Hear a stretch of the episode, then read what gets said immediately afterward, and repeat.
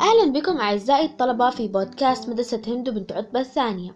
معكم الطالبة ملاك سنتناول اليوم بعض الرسائل الصحية المرسلة من مديرية الصحة البند 112 عزيزي الطالب إن الثقة بالنفس هي مفتاح النجاح في الحياة فهي تجعلنا أكثر مرونة في التعامل مع الأشخاص.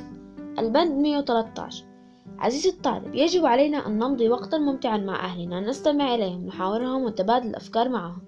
البند 114 عزيزي الطالب لتنجح في الحصول على علاقات اجتماعية قوية. علينا أن نختار ألفاظا وكلماتنا بعناية للحرص على أن تكون خالية من التجريح البند 115 عزيزي الطالب إياك أن تبالغ في المزاح وخصوصا في الأوقات الدراسية.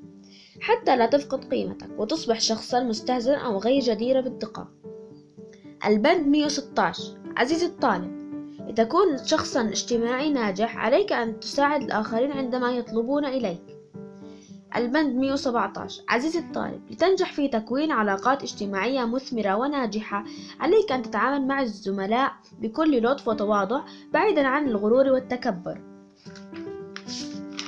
أتمنى أن تفيدكم هذه الحلقة وإلى اللقاء في الحلقة القادمة.